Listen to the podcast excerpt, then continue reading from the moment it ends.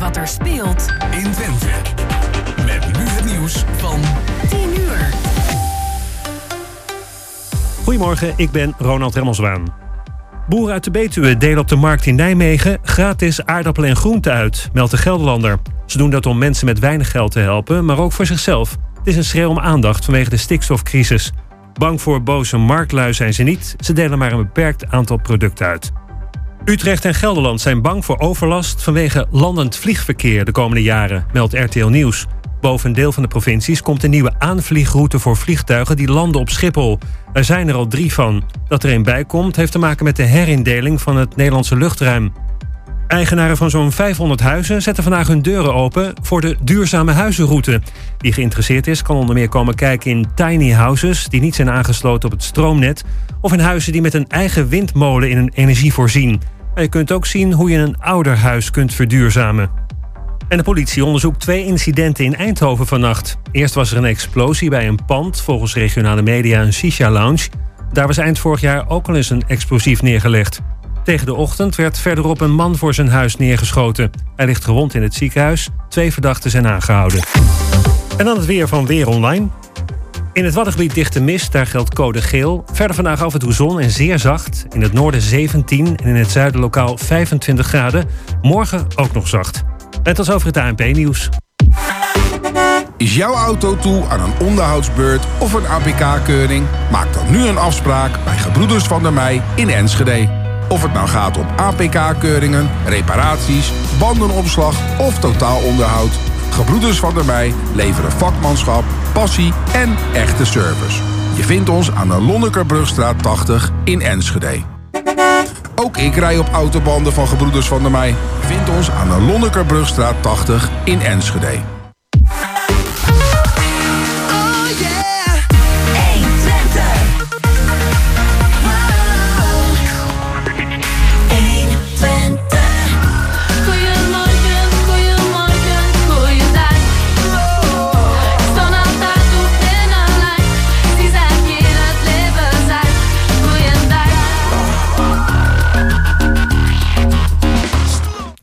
Ja, goedemorgen beste luisteraars. Eh 10 uur, 2 minuten en 35 seconden. En dat betekent dat het weer tijd is voor 2 uur. Goedemorgen Hengelo, hier live vanuit onze studio in de bibliotheek in Hengelo.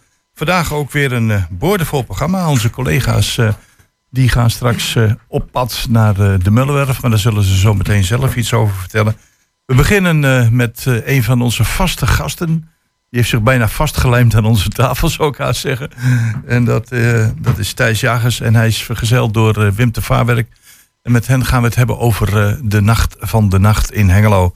Want zoals u weet is het vandaag weer de laatste dag waarop we de zomertijd hebben. En morgen is het wintertijd. Dus u krijgt een uurtje extra van ons. Ja, je zou het helemaal niet zeggen als je hier vanmorgen op de fiets naartoe kwam. Nee, Dat, dat voelt nog echt niet als dat de wintertijd eraan zit te komen. Maar het is, het is blijkbaar wel zo. Ja. Dan- Nou ja, dat is wel een mooi eh, bruggetje natuurlijk. Het is veel te warm. Klimaatprobleem ehm, heeft ook wel degelijk met de activiteiten van de Nacht van de Nacht te maken. Ja, dat is waar. En dan zoeken we contact met eh, Roemenië, waar we weer eh, eens gaan praten met eh Marilyn Gritter. Want die eh, heeft daar al een aantal jaren ja, zeg een soort boerderij waar ze honden opvangt. En ik ben benieuwd hoe het nu met haar gaat. Ik heb inmiddels eh, begrepen dat ze weer aan de telefoon kan komen. Dan eh, Hengelo Leest heeft morgen een activiteit eh, in het kader van het cultuurpodium in de Schouwburg. En vanmiddag hebben ze ook een activiteit en daarover gaan praten met Hans Roes. Klopt, ja, niks aan toe te voegen. En de bibliotheek. Zeker. En het eh, tweede uur, Jos noemde het al eventjes, eh, gaan Chris en ik op bezoek bij de Mullerwerf. Daar start een eh, tentoonstelling, Circle of Life. En eh, we gaan alvast even kijken eh, bij de opbouw ervan. Ja, en dan gaan we vooral even oefenen met de namen van de kunstenaars. Dat wordt nog even een probleem. Gaan we ons best op doen. En we, dat zijn trouwens Chris van Pelt, net al even genoemd. eh, Gerben Hilbrink voor de techniek. Jos Klasinski hoorde u net. En mijn naam is Jan-Dirk Beltman. En we beginnen met Cat Stevens.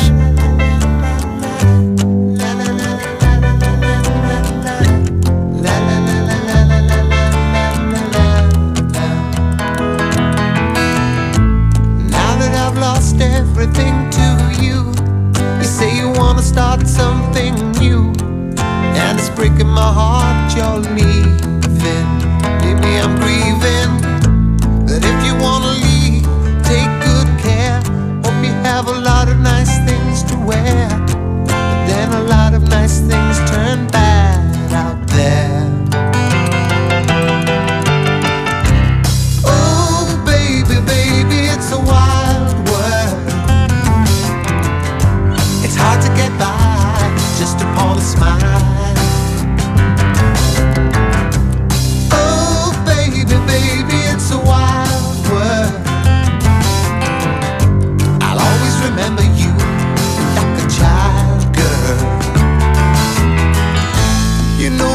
a lot of what the world can do, and it's breaking my heart in two.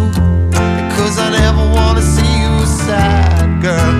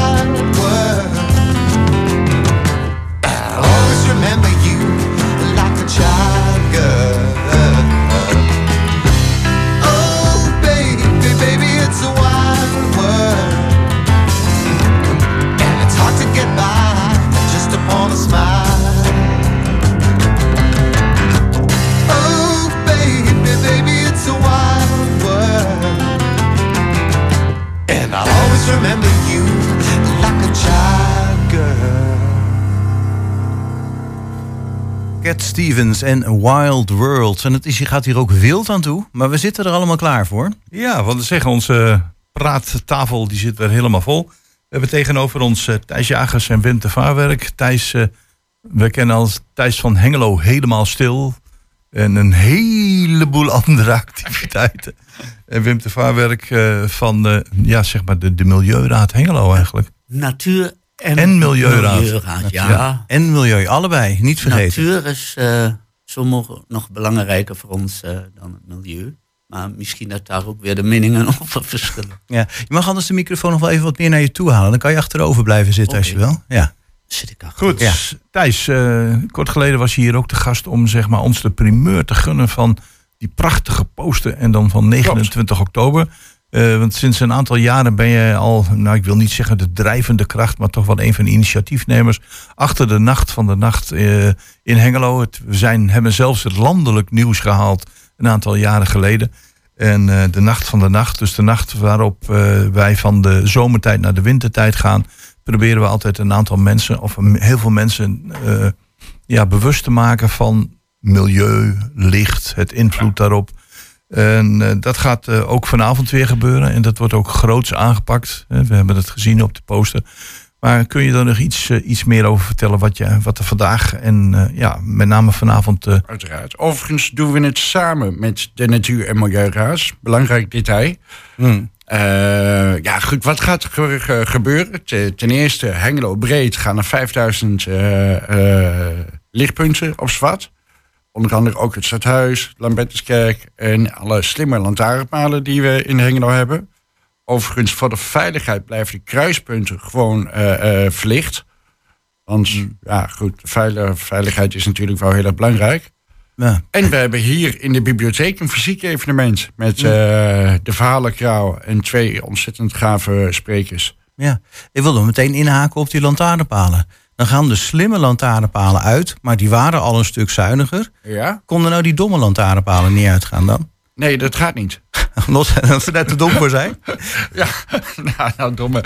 Nee, nee, goed. De, de, de, eh, de nieuwe lantaarnpalen die zijn op afstand te, te besturen. Ja, precies. Dus eh, die kunnen ze bij wijze van spreken, gemeente Hengelo, die kan bij wijze van spreken op een knopje drukken. En dan gaan ze één uur uit. Overigens van acht tot negen. Ja, ja, daar kun je een timer op zetten. Dat is veel makkelijker eh, in te stellen natuurlijk. Ja. Ja. Voordat we naar die, naar die activiteit gaan, eh, gaat er dan een heel proces aan vooraf, eh, voor zo, zover je, voor je de mensen zover krijgt om inderdaad die actie te nemen? Want het gaat niet alleen over de gemeente en de, en de, en de lantaarnpalen, maar het gaat, het gaat namelijk ook over het stadhuis, over een aantal gebouwen. Ik weet niet of er veel winkeliers meedoen die zeggen van wij willen onze verlichting tijdelijk van de ramen uitdoen. Hoe gaat dat? Nou, dat is een behoorlijke organisatie en een, een ja, best wel flinke lobby. Want je moet nogal wat, wat, mensen overhalen om, om tot actie over te gaan. Vreemd eigenlijk dat dat, zo moet, dat, dat moet, hè? Overigens, eh, alle sfeerverlichting in de binnenstad, eh, die gaan ook één uur op zwart met dank aan het centrummanagement. En welk uur nou eigenlijk precies? Wat had je? Van 8 tot 9. Kijk, dat is wel handig om te weten. Ja. Tussen 8 en 9 Ja, dus gaat als je je hond nog even eh, weer uitlaten voor jou. Precies. dan moet je even kijken op de eh, eh, tijd. Ja, nou dan, dan heeft dat vooral te maken met lichtvervuiling. Maar we hebben natuurlijk ook over energie besparen. ja, aandacht voor de natuur. Ik wou even naar Wim. Ehm, ja, eh, eh, het, ik, ik, ik bedoel- kan, ik bedoel, kan me intuïtief wel voorstellen dat de Natuur- en Milieuraad er iets belangrijk eh, medespeler is. Ehm, maar kun je nog precies uitleggen wat het belang is voor natuur en milieu? Ja, we kijken naar het licht en hoe schadelijk of dat is voor dieren in de stad. Mhm. Als, die hebben rust nodig, s'nachts. En eh, als het zo licht is zoals eh, ja, vanuit satellieten kan je het helemaal mooi zien. Mhm. Eh, dan kan je eigenlijk van daaruit al vaststellen dat dat gevolgen heeft voor de natuur in de stad. En dat is schadelijk voor dieren en net zoals de huidige temperaturen ook schadelijk zijn voor dieren. En de egels, stond gisteren een stuk in de krant, die komen niet aan een winterslaap toe eh, op deze manier. Eh, en zo heb je ook verschillende effecten eh, van het licht in de stad dat schadelijk is. Vandaar vle nou, vleermuizen, vogels, die hebben allemaal te lijden van die enorme hoeveelheid licht. En op deze manier vestigen we de aandacht erop dat het ook op een andere manier kan. Ja, en dan, ja, dan eh, noem je ook vooral het licht. Eh, Zijn er ook nog andere aspecten die de nacht van de nacht eh, de nadruk, of in ieder geval de belangstelling mogen krijgen? Of, oh, Ja, we kijken naar de natuur in de eerste plaats. Dat is, dat is onze opzet. En andere aspecten, ja. ja, de nadruk ligt echt wel op het, de nadruk ligt toch echt wel op lichtvervuiling, hè? Ja. Ja oké. Ja, helemaal duidelijk. lichtvervuiling en de betekenis eh, die het heeft voor dieren in de stad. Dat is toch de, Ja, dat ze toch echt uit hun ritme raken. dat is de opzet. Ja. Wat, eh, wat, waar ik zelf nog erg benieuwd naar ben, eh, Wim, is van... eh, we hadden hier laatst eh, iemand te gast van de Seniorenraad Hengelo. Nou zit jij hier in de Natuur- en Milieuraad. Is dit een adviesorgaan voor, eh, voor onze gemeente? En welke invloed mogen jullie uitoefenen? Sturend, adviserend? Eh, om te beginnen bij de juridische positie. Eh, wij zijn belanghebbende voor de hele stad. Dus wij dienen zienswijzes in op verschillende projecten die de gemeente aan ons voorlegt. En soms dan springen we al zelf eh, ruim van tevoren erop in. Ja. En eh, dan, ja, dan gaan we door. Niet alleen voor bomen en dat. Zo ben ik aanvankelijk begonnen bij de Natuur- en Milieuraad. Ja, nou, denk ik Maar- ook aan. Zo van nou, extra parkje, wat meer groen in een wijk. ja. Daar kijken we naar. Versterking van de hoofdgroenstructuur bijvoorbeeld. En eh, ja, dat zijn nieuwe ontwikkelingen die, eh, die wij met plezier eh, zien bij de gemeente. Want het wordt steeds groener in Hengelo. En het gesprek wordt daardoor ook steeds plezieriger. Hm. Wij, de- wij dienen haast geen bezwaarschriften meer in, omdat het gesprek met de gemeente op Jullie, zijn weer on speaking loopt. terms, zoals dat heet, hè? Ja. Ja, prachtig. Maar dat moet je goed doen natuurlijk, hè? Maar als, en voordat we naar het programma gaan van, eh, van vanavond... is dat ook echt heel duidelijk zichtbaar voor de Hengeloze burger? Want je zegt, voor ons is het merkbaar. Ik zie een glimlach op je mond. Je zegt van, ja, het, gaat allemaal goed tussen ons en de gemeente. Maar wat, wat ziet de burger daarvan? Weinig. Weinig. En dat, dat stelt ons ook teleur. We zien graag eh, dat mensen meer om zich heen kijken. Wat kan ik zelf betekenen voor de natuur in de stad? En, en het milieu dan natuurlijk daarbij. Maar eh, eh, ja, mensen voelen zich vaak machteloos om dingen te gaan doen. Mm. Ter- eh, het lijkt allemaal de ver van mijn bedshow wat er gebeurt. Terwijl je hier in Hengelo kan je al heel veel doen. Maar via de Natuur- en Milieuraad dus. Ja. Nou ja, eh, mensen kunnen toch ook zelf bijvoorbeeld nog weer eens een paar extra tegels uit hun achtertuin halen en de gras voor in de plaats doen. Dan dan stimuleren jullie, stimuleren jullie ook, neem ik aan. Ja. Ja, Ja. er zijn subsidies voorhanden voor bewonersinitiatieven. Hè? Maar dat betekent dat ze jullie dus kunnen raadplegen... als ze een vraag hebben over natuur en milieu. Zeker weten. Ja. Ja. En jullie zijn ook gewoon via je eigen website eh, daarover te bereiken. Want ik kan me voorstellen dat best wel heel veel dingen leven. Van ik wil daarmee bezig of ik wil daarmee bezig. Of ik heb dat aangetroffen. En dan zijn jullie altijd eh, zeg maar bereikbaar voor, eh, voor eventuele oplossingen. Of ja, mogelijkheden tot oplossingen. Want jullie hebben die ingang bij de gemeente. Ja, ik hoop na, na dit interview eh, verschillende reacties te krijgen van mensen die zeggen: nou, ik heb je gehoord en ik wil graag wat betekenen voor de Natuur- en Milieuraad. Ja. Ja, goed, dat, dat kan. En eh, dan kunnen ze jullie eh, website raadplegen en daar staat de contactgegevens op. Zeker. Ja, ik zal hem even noemen hoor. Ik heb er staan eh, nmr-hengelo.nl. Ja. Hè, de Nico Marie Richard streepje en dan Hengelo. Jullie zoeken ook nog vrijw- vrijwilligers. Toch? Ja. Ja, ik denk dat dat dan het logische ge- gevolg is eh, dat mensen dan zich gaan inzetten voor Natuur- en Milieuraad. Maar specifiek gericht op groene initiatieven, eh, Ja, daar ik, krijgen ze onze steun. ik heb hier de vacature al voor mijn neus. Wil je je inzetten voor het groenbeleid, bomen en plantsoenen, ruimtelijke ordening, het milieu in en rond Hengelo en Borne, duurzame energie, communicatie over groen en duurzaam op lokaal niveau? Dan zijn wij op zoek naar jou. In ieder geval Wim. Een hele mond vol. maar ik kan me ook voorstellen Ik dat jullie contact hebben met, met basisscholen en praten over het milieu met de, met, met de jeugd, toch? Of niet?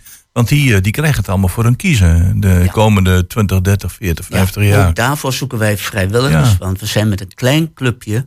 En dit soort dingen, dat willen we heel graag doen. We willen ons graag in de kijker spelen. Ja. Wat voorheen gebeurde eh, achter de schermen, we willen graag meer in de schijnwerper staan. Nou, bij deze dus eh, de Milieuraad eh, voor Hengelo.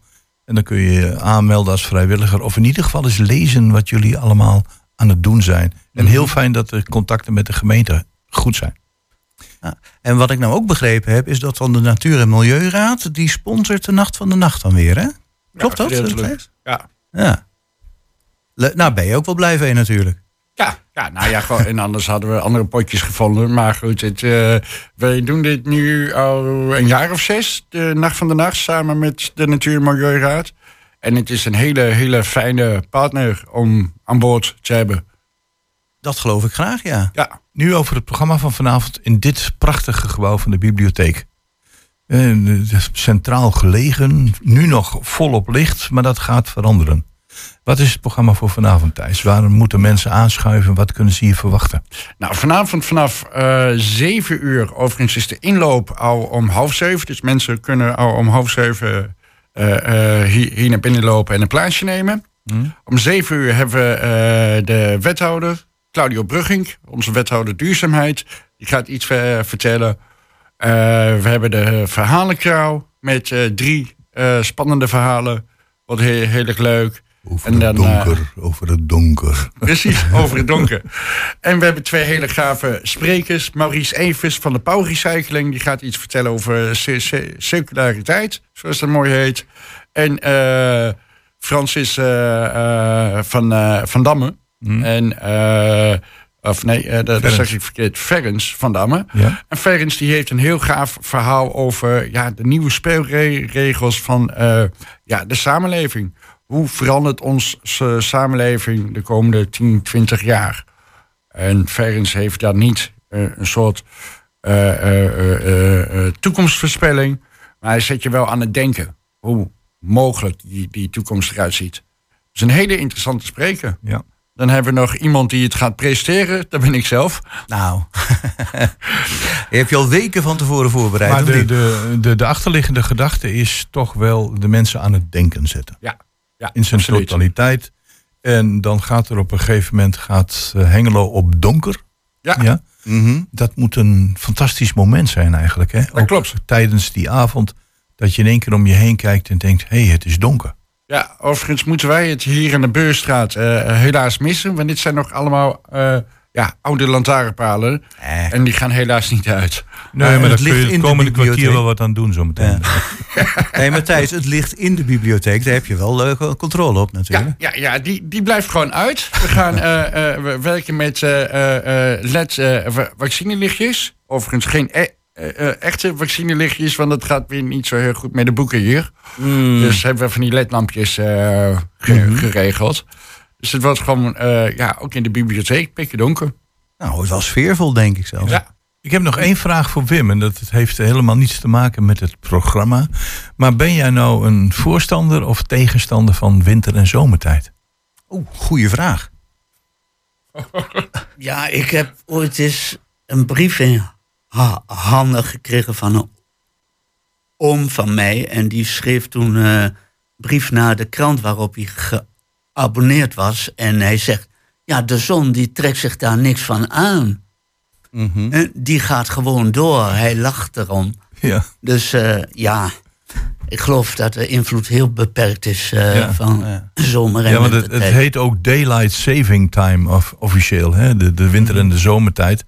Dus zo noemen ze dat met een Engelse term. Dus op een of andere manier proberen wij wat daglicht eh, ja, te sparen. Maar ja, goed, in ieder geval zijn de discussies daarover nog niet ten einde. Maar ik was heel benieuwd eh, naar eh, van hoe jij daarin staat als eh, mens midden in de natuur en in het milieu.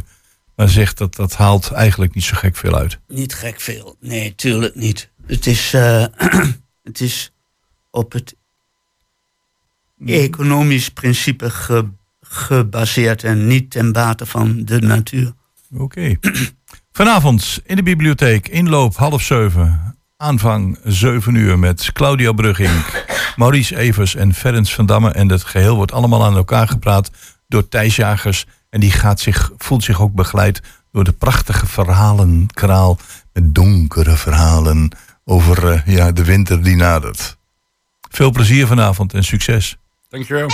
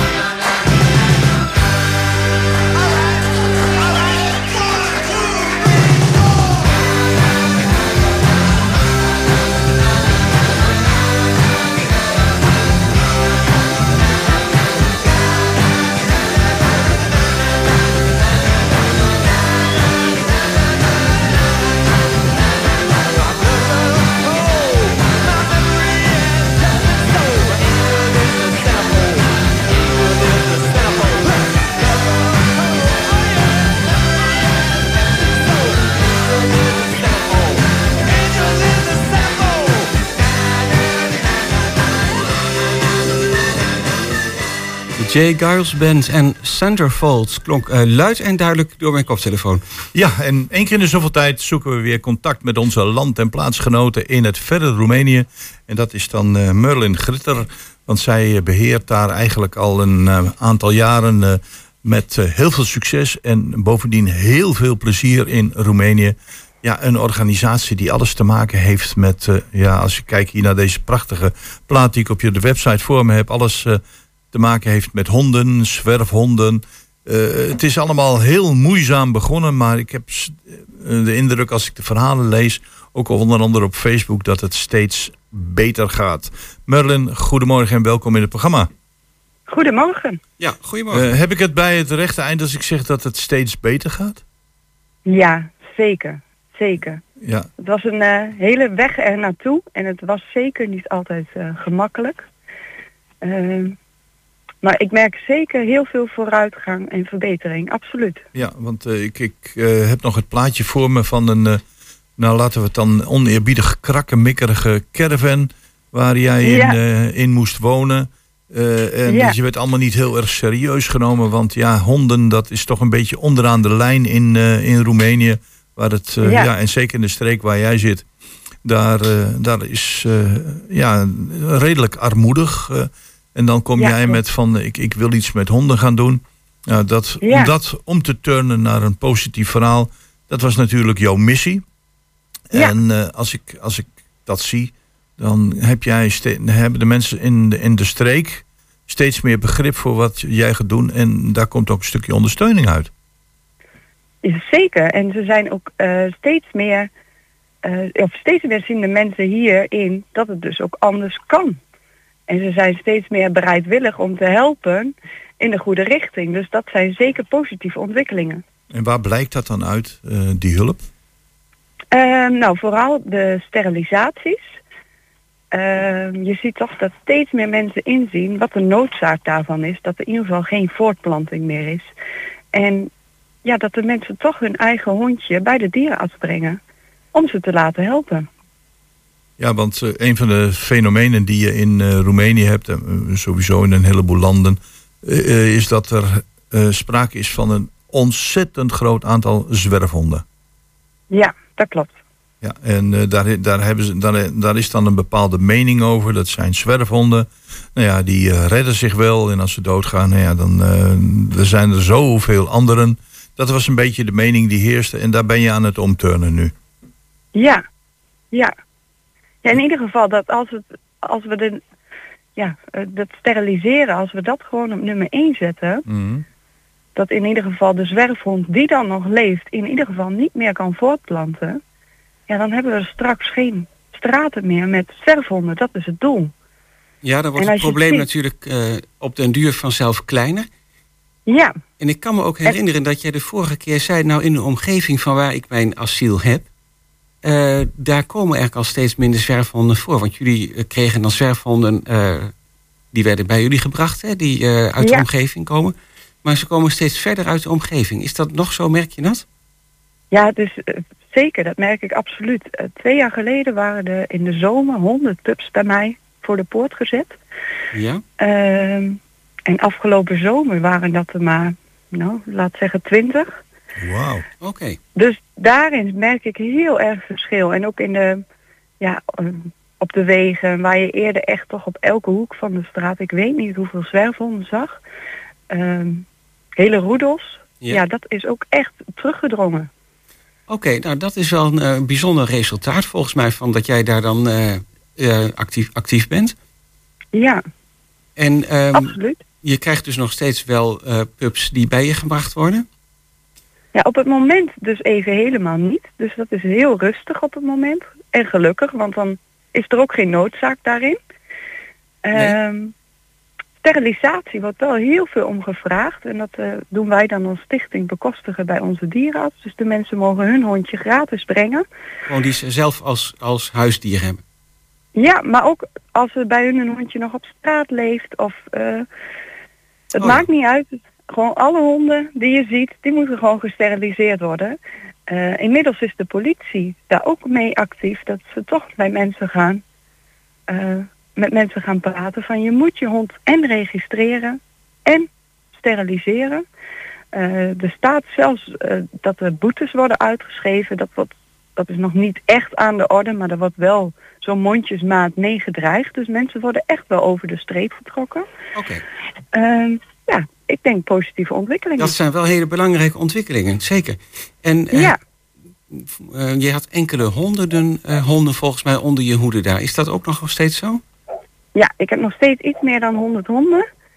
Oké. En eh, ja, dat, eh, die zijn natuurlijk, de meeste zijn gewoon beschikbaar voor adoptie. En daar blijven we natuurlijk mee door.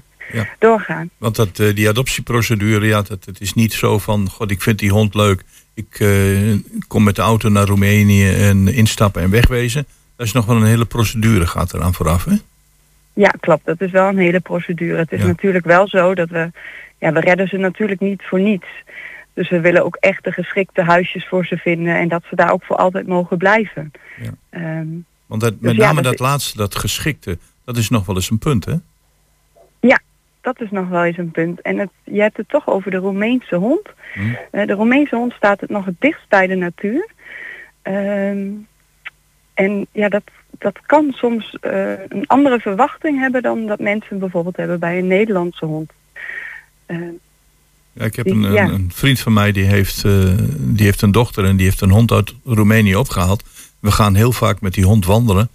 Maar op Ja. het moment dat de andere honden aankomen, ja, dan, dan, dan gebeurt er iets. Dan gebeurt er iets heel bijzonders met die hond.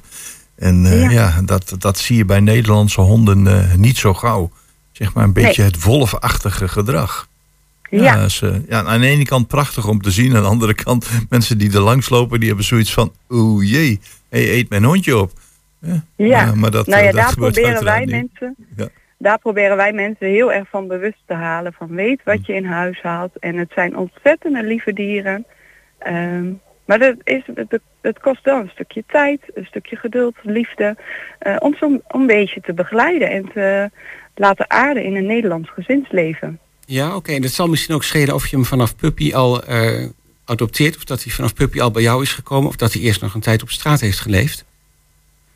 Ehm, ja, het is echt afhankelijk van de hond. De ene hond die leeft zes jaar op straat en die wordt geadopteerd en die, die laat helemaal niets zien en het is helemaal een geweldige hond. En sommige pups worden geadopteerd en die hebben toch dat oerinstinct nog eh, in de genen zitten en daar kunnen mensen iets meer problemen mee ervaren. Dus het is echt Ah. per hond is het wel eh, verschillend. Ja, ja, iedere hond heeft natuurlijk wel zijn eigen karakter. Dat, eh, daar heb je ook helemaal gelijk in.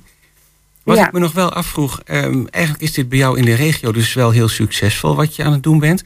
Heb je ook Ja. contact met andere vergelijkbare organisaties in Roemenië? Komt dit ook meer voor? Vraag ik me trouwens meteen ook af.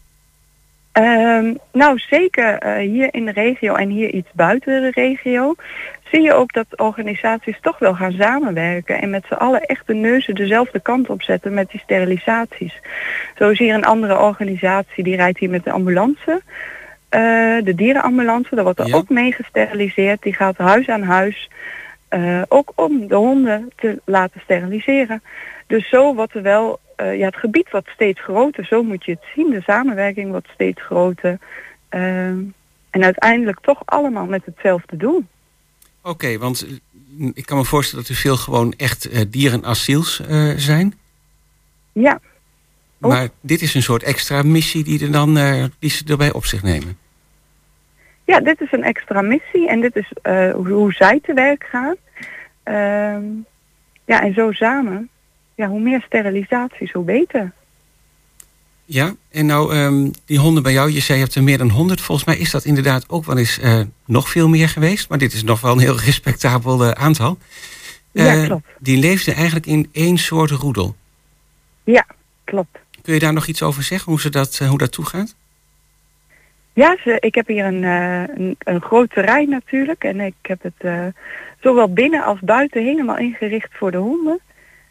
En ze leven hier samen. Ja, ze mogen hier naar binnen, ze mogen hier naar buiten, ze mogen doen wat ze willen. Er zijn hier vrijwel geen regels voor ze. En eh, ja, Best veel wat kan ik er vrijheid. meer eh, over dus. zeggen? Heel veel vrijheid voor ze, absoluut. Ja, dat is aan de ene kant de, de, zeg maar de, de geweldig positieve kant. Dat, dat dit op dat gebied in Roemenië plaats kan vinden. Maar aan de andere kant moeten deze dieren wel gevoederd worden. En ik kan Ja. me een van de uitzendingen herinneren dat we ook iemand hadden. Die kwam uit de Betuwe en die ging met een vrachtwagen in jouw richting op. Om eh, Ja. voer te brengen. Is dat nog steeds zo dat je kunt eh, rekenen op heel veel hulp, onder andere uit Nederland. in de vorm van eh, voedsel voor de dieren? Ehm, nog steeds kunnen we daarop rekenen, maar het is wel heel veel minder geworden. En dat is, heeft eigenlijk de oorzaak toch wel de oorlog in Oekraïne. Ehm, we merken dat er heel veel donaties eh, voederen daar naartoe gaat. En dat is ook logisch, want daar is de hulp nu zo hard nodig. Eh, dat mensen massaal voor hun gaan doneren. Ehm, dus het was eh, heel schaars voor ons. En nu toevallig hebben we weer een actie gehad en kunnen we weer even vooruit. En we zijn weer bezig eh, met een vrachtwagen richting mij. Eh, wanneer dat precies gaat plaatsvinden, dat is nog niet bekend. Ehm, waarschijnlijk is dat in april en waarschijnlijk gaat deze vrachtwagen vanuit België vertrekken. Dus dat zou ook, dat ja, is nog in ontwikkeling, maar wie weet. Maar het is niet zo dat jij jouw organisatie daar in Roemenië in gevaar komt. Nee, in die zin niet, maar het is wel iets minder geworden, ja. Goed. Oké, maar het is via Facebook natuurlijk eh, allemaal te volgen. Via jouw Facebook-site Dogs by Merlin. Ja, zeker. Alles is te volgen bij ons. Oh, Oké, uitstekend. Nou, stichting docsbymerlin.com of via de Facebook-site. Daar kun je zien hoe je kunt helpen, hoe je Merlin kunt ondersteunen in Roemenië. En vanaf deze plek bedankt voor het interview en succes de komende tijd. Heel graag gedaan. Ja, dankjewel. Heel veel succes. Dankjewel.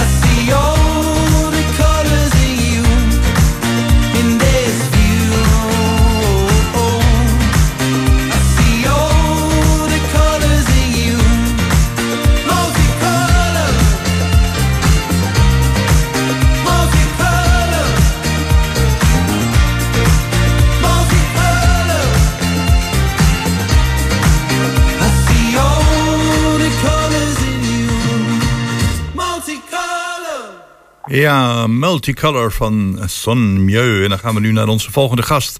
En als het goed is, hebben we Hans Hoes aan de lijn. Goedemorgen. Dat klopt, goedemorgen. Dag Hans, Eh, dit weekend maar liefst twee activiteiten. Vanmiddag wordt er eh, iets heel moois onthuld om eh, ja, twee uur in het kader van een gedicht, zeg maar, de aprilregen. Ja. En kun je daar iets over vertellen? Ja, dat is een gedicht van Margot Vos. Die heeft eh, een aantal jaren in Hengelo gewoond. En eh, omdat Hengelo leest, eh, een van de activiteiten van Hengelo leest is poëzie op de muur, gedichten op de muur, of misschien ook wel eens regels van, van, van, van proza op de muur. En we zijn er eindelijk na heel lang eh, onderhandelen en wachten en gedoe en in geslaagd om nu een, een kort gedicht van haar geplaatst te krijgen op de muur van Museum Hengelo. Ja, en, en dat, dat heeft dus heel veel voeten in de aarde gehad om dat überhaupt zo te krijgen. Dan, Ja, ja, nou weet je, eh, ik kan me er wel iets bij voorstellen, want je komt dan bij een bepaald pand met eh, architectuur en vormgeving en hebben mensen ideeën van dit mag wel en dat mag niet en er moet over vergaderd worden. Nou ja, dat, en ook het, het bij elkaar eh, sprokkelen van het geld, want eh, wij hebben zelf geen geld, er moet, eh, er moet subsidie voorkomen. Dus eh, nou ja, maar eh, na een lang traject is het dan eigenlijk toch gelukt. Ja, nou toch heel bijzonder dat dit mogelijk is en dat het een hele leuke plek heeft gevonden. En dat gaat gemiddag, vanmiddag gebeuren om eh, twee uur bij Om museum. twee uur wordt dat officieel onthuld, ja. Dan eh, over de activiteit van, eh, van morgen. Ja, Ja, dat, want dat is zeg maar in het kader van de maandelijkse activiteit van het cultuurpodium en dan Hengelo leest. En jullie hebben weer een heel mooi, eh, heel mooi programma in elkaar gedraaid, hè? Ja, ik moet er dan, eh, maak meteen even gebruik van de gelegenheid om een wijziging van het programma. eh, ja, helaas, helaas. Ja, het is, het is niet anders. Nee, nee, het is ook niet zo'n eh, zo'n zo'n leuke aanleiding, maar eh, de, eh, de muzikale intermezzo's, Ja. die wij er altijd bij hebben, die zouden ditmaal verzorgd worden door het Koor of Koors. Ja. Dat is een koor van, ik meen zeven leden. En die hebben al een keer eerder bij ons eh, opgetreden ook. En dat was hartstikke goed. Dus we, we wilden ze graag nog een keer hebben. Maar gisteren kregen wij van het koorbericht dat ze helaas verhinderd zijn. Want de vader van een van de leden is overleden. Ja, nou, en dan, vinden ze, dan Ja. kunnen ze dat gewoon niet voor elkaar krijgen. Dus, nou, ik begrijp dat natuurlijk. En ja, gelukkig eh, is het ons in alle eigen gelukt om daar nog een vervangende act voor te vinden. Een muzikale act. Dus eh, in dat opzicht kan het programma doorgaan, alleen met een eh, iets andere invulling dan was aangekondigd. Ik wist niet dat jij zanger was, eh, Hans. Sorry? Ik wist niet dat jij zanger was. Dat, Nou, ja, ja, ik, nou, oh, dat, dat is weer, ik, ik, ik ga dat niet, ik zou het misschien ook wel kunnen doen. Ik zit op een koor. Ik zit zelf ook op een koor. Oké. Maar dat ga ik nog maar even niet mee. We hebben hiervoor gevonden Marleen Terhedde. Dus een jonge singer-songwriter, zoals het dan heet. En die zingt eh, covers, maar ook eigen werk. Dus ik ben eigenlijk zeer benieuwd, want ik ken haar eerlijk gezegd niet. Maar ik ben zeer benieuwd hoe ze dat er vanaf gaat brengen. Ik heb er eigenlijk alle vertrouwen in op voorhand. want ze vond het heel leuk om eh, zo ons, eh, voor ons in te kunnen springen. Nou, prachtig toch? En dan, wat, wat staat er op het programma morgen? Ja, we hebben altijd twee eh, schrijvers, twee literaire gasten en twee uh, beeldend kunstenaarsgasten. Nou, laat ik bij de schrijvers beginnen. Eh, het is niet echt een... Ja, hij schrijft ook Paul Abels, wel bekend. Eh, ook echt een duizendpoot. Eh, hij schrijft ook zelf wel wat korte verhalen, maar hij is vooral ook eh, eh, nu gevraagd om iets te vertellen over zijn uitgeverij, AFDH. En zoals je misschien weet, die is begonnen uh, ja, 2005, 2006 met uh, de boeken van A.F. Snijders, A.L. Snijders, sorry. Uh, dat was hun eerste idee van, van, van Paul Abels en nog twee companen om, om die boeken eens te gaan uitgeven, die, met, met zijn zeer korte verhalen. En zo is het begonnen. Maar na verloop van tijd hebben ze kennelijk van het uitgeven de smaak te pakken gekregen. En uh, zijn er veel meer en veel andere boeken uh, en ook andere schrijvers bijgekomen. En uh, nou, ik wil eens aan Paul Albers gaan vragen hoe die ontwikkeling precies gegaan is. Oké, okay, lijkt me een heel interessant thema, een heel interessante weg hoe dat allemaal is gelopen. Ja, ja. Want ja, hij heeft op, op het laatst heeft hij nog een, een, een, grote vis, Jaap Scholten, die toch wel enige naam en faam heeft, die heeft hij ook nou, of hij hem weggekaapt heeft, dat ga ik dus vragen. Of dat het anders is gelopen, want die zat bij een andere uitgeverij, maar die heeft hij ook binnen weten te halen. Ja, de man van Suikerbastaard. Suikerbastaard, ja. Ja.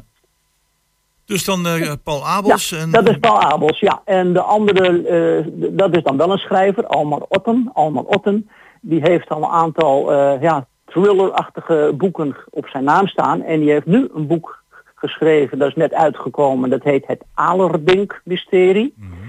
Eh, het interessante daarvan is dat eh, daarin ja, feiten en fictie eh, door elkaar zijn gelopen. Die, die worden met elkaar vermengd. Aan de, aan de ene kant heb je het verhaal van de hoofdpersoon. Dat is dan een bedachte persoon. Een Nicolaas. En die, ja, die, die, die, die, die, die komt stapje voor stapje komt hij erachter waar eigenlijk zijn wortels, waar zijn roots liggen. En in, in dat proces komt hij eh, terecht bij, het, eh, bij, de, bij de buitenplaats Den Alerdink, die echt bestaat, hè, want dat ligt daar bij, eh, bij, Zut, bij, bij Zwolle, in, in Zutem, hè, een bekende havenzaten, heel mooi. En ook al heel oud, want die is gebouwd in 1680. En in de loop van het verhaal blijkt dat zijn geschiedenis en die van Den Alerdink met elkaar verweven zijn. En ja, al lezende kom je ook stapje voor stapje daarachter. Ik ben er zelf in begonnen te lezen en toen ik op bladzijde 30 was, ongeveer, toen dacht ik, ja, dan wil ik ook wel precies weten hoe het zit. En dan ga je heel geboeid, eh, dan lees je het boek eigenlijk in één adem uit. Dus die is eh, morgen eh, ook te gast. ja, en ik en zie dan hier heb ik- Wijnand, Ja. of Wienand Buursink. Ja, Wienand, Wienand Beursink, Wienand Beursink, die is ook de gast. Die heb ik, ehm, ik weet niet precies wat hij gaat doen. Ik heb een stille hoop dat hij een soort performance gaat doen, maar ik weet dat niet zeker, dus dat is een verrassing. Eh, ja, hij is een beeldend kunstenaar en hij zegt van zichzelf, eh, ik pas in geen enkel hokje. Klopt, ja. Ja, eh, ik kan hem nog wel in een proberen in een hokje te zetten, maar dan kom ik uit bij nou, con- conceptuele kunst. Want bij conceptuele kunst gaat het vooral in de eerste plaats om de ideeën en niet zozeer om de uitvoering. En daar is uh, Wieland heel erg origineel in en ook wat eh, ja, absurdistisch vaak, humoristisch vaak. Eh, nou, dat is een beetje zijn, eh, de leuke kant van hem. En eh, er is ook pas een boekje uitgekomen hè, met, met een overzicht van zijn werk. Het is eh, begin van deze maand is dat Ja, gepresenteerd. we, we hebben Nou. hier in de studio gehad met Ja, het precies. over yoghurt. Oh ja, ja. Nou, ja. Dus eh, ik, ik, ik ben benieuwd, want hij, hij, gaat, hij gaat zelf eh, de presentatie doen. Dus ik ben zeer benieuwd hoe hij, hoe hij dat gaat doen. Dat is dan de ene. En de andere beeldkunstenaar, ehm, dat is Karin Hogesteger. Eh, zij schildert. En zij heeft op dit moment ook nog eh, een expositie van, een, van, van haar werk in de Schouwburg. Dus als je daar bent, dan kun je nog net even meepikken, want het loopt deze maand. Dus het is maandag is het afgelopen. En er hangen een paar eh, zelfportretten van haar. En ook nog een paar andere schilderijen. En eh, haar werk, eh, in haar werk legt ze vooral vaak een verband tussen eh, de mens en de natuur. En dan de manier waarop het landschap eh, ja, gecultiveerd wordt, hè, eh, bewerkt wordt onder invloed van de mens. Dat zijn onze gasten. En als eh, mensen zeggen van nou daar wil ik zeker aanschuiven, dan kan dat altijd weer in de Schouwburg. eh. Ja, dat, En, eh, dat kan. Ehm, als je dat wil doen volgens de regels die de Schouwburg daarvoor heeft eh, opgesteld, dan eh, word je geacht je even aan te melden via de website van de Schouwburg. Moet je, en dan kun je een, ka- een gratis kaartje kun je daar dan bestellen. Maar eh, in de praktijk denk ik als je zo komt binnenlopen, dan eh kraait er verder geen haar naar, zeg ik nu maar eventjes. Je moet je niet verder vertellen, maar dan eh, je, maar de Schouwburg die wil graag een indicatie hebben van hoeveel mensen erop afkomen. Wij zitten boven op de, in de foyer, de Wolvenkamp foyer, op de eerste verdieping. En het is van 3 tot 5, zondagmiddag. Denk er even aan dat de klok verzet wordt, hè, nu terug. Dus van 3 tot 5 zondag in de Schouwburg. Dus eh, vanmiddag de onthulling eh, bij Museum Hengelo om twee uur. Morgen van drie tot vijf in de foyer van de Schouwburg. En het liefst even aanmelden via de website van de Schouwburg. En dan krijg je weer eh, een van de leuke programma's. En degene die het allemaal aan elkaar mag praten, dat is de man die we aan de telefoon hebben, Hans Hoes. Bedankt voor je bijdrage, Hans. En morgen heel veel plezier. Oké, dankjewel. Jo.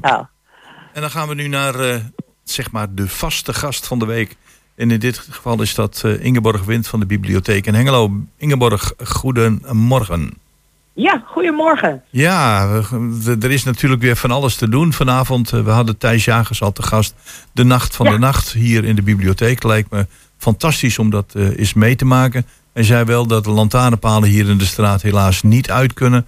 Maar goed, je kunt niet alles hebben. Dus dat programma dat, dat, staat, dat staat als een huis volgens mij. Dus wat wil je nog meer onder de aandacht brengen? Want jij appte mij iets over de 10e november. En ik heb dat eens doorgelezen. Ik denk van ja, dat mogen we zeker niet aan de luisteraars onthouden.